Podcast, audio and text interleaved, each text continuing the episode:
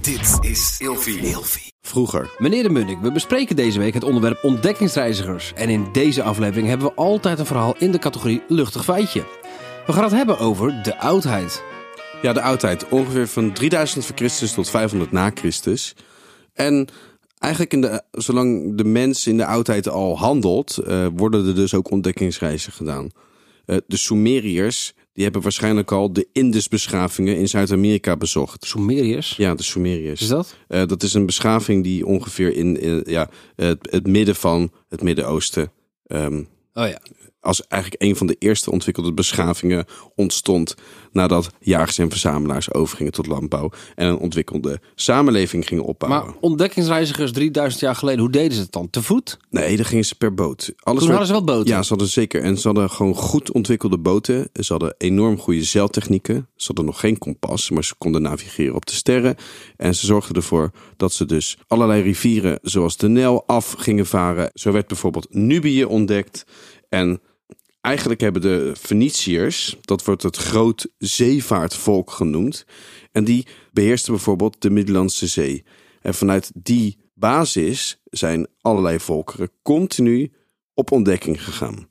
Carthago, dat is wat, wat nu in Tunesië, de hoofdstad van Tunesië is. Een van de allerbelangrijkste ja, Carthagers, werd Hanno genoemd.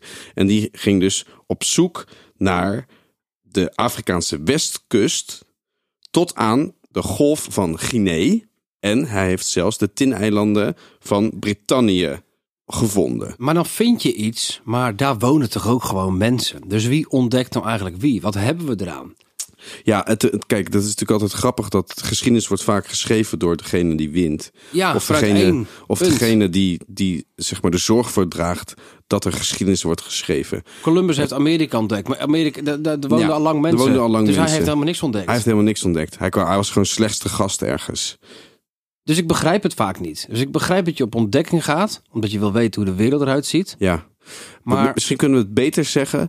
In plaats van dan ontdekkingsreizigers, dat, we, dat, we, dat het connectiezoekers zijn. Dus eigenlijk 3000, 4000 jaar geleden was men ook al bezig met wat is er nog meer op Ja. deze wereld. En dan gingen ze varen en dan kwamen ze ineens kwamen ze in China uit en zagen ze allemaal mensen met andere gedaanten, zal ik maar zeggen. Of ze Ja. gingen naar Afrika, zagen ze donker, enzovoort, enzovoort, enzovoort. Dat is een beetje wat er gebeurt. Dat is wat er Ze gebeurde. kwamen niet altijd terug. Hoe weet je de weg terug te vinden dan? Ja, dat is natuurlijk ook gewoon weer op de gok. Eh, je gaat gewoon terugvaren en je hoopt dat de wind en de stroming en enige zeevaartkunde je gewoon weer thuis brengt. Maar je gaat vanuit Ge- Egypte eh, naar Afrika. Ik weet niet hoe je daar naar komt. Maar goed, dat zal ze lukken. Vervolgens wil je weer terug. Moet je door de poort van Gibraltar. Stel je voor dat lukt niet. Dan ben je in Denemarken of Noorwegen. Dan vind je de weg naar huis nooit meer. Nee, nooit meer terug. En nou, dan heb je dus wel Denemarken ontdekt. Maar niemand die het weet. Niemand die het weet. Tot morgen. Vroeger.